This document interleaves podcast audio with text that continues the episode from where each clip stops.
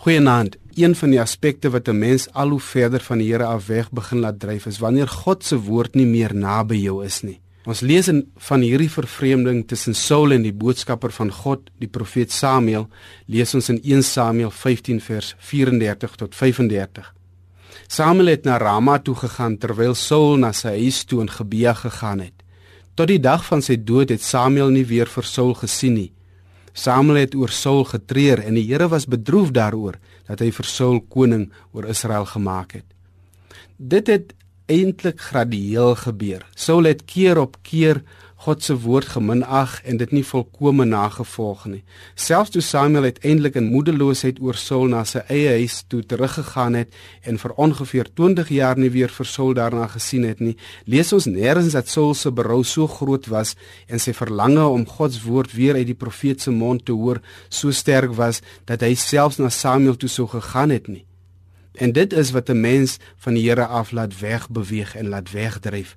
As jy sy woord en sy wil begin minag, jou eie kop begin volg en wanneer sy woorde nie meer vir jou kosbaar is sodat jy dit gaan soek terwyl jy maar by jou eie huis maar bly gaan sit en jou eie koninkrykie op jou eie krag probeer bou.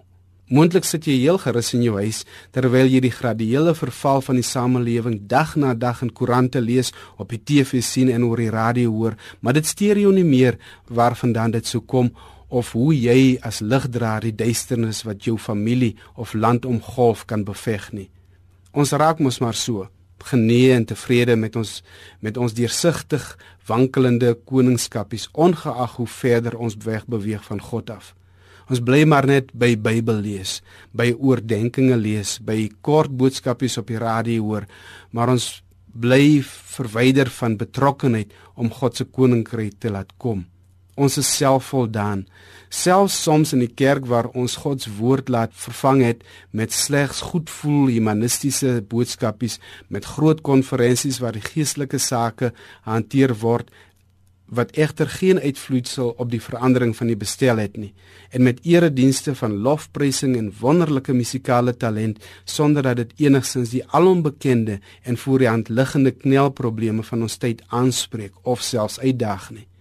Ons sit met ons wonderlike kennis die mooiste van talent en die beste erkende kundigheid maar ons bou nie meer God se koninkryk nie net ons eie Die Christus leer ons in Johannes 15 die belangrikheid dat ons die lote, die kinders van God is aan die wingerdstok, die verlosser.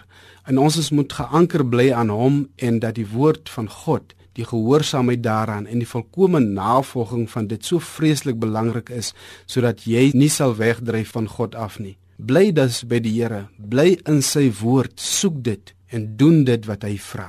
Vader, laat my nie van U wegdryf nie. Laat my U soek, laat my U woord en laat my U wil soek om Christus ontwil. Amen.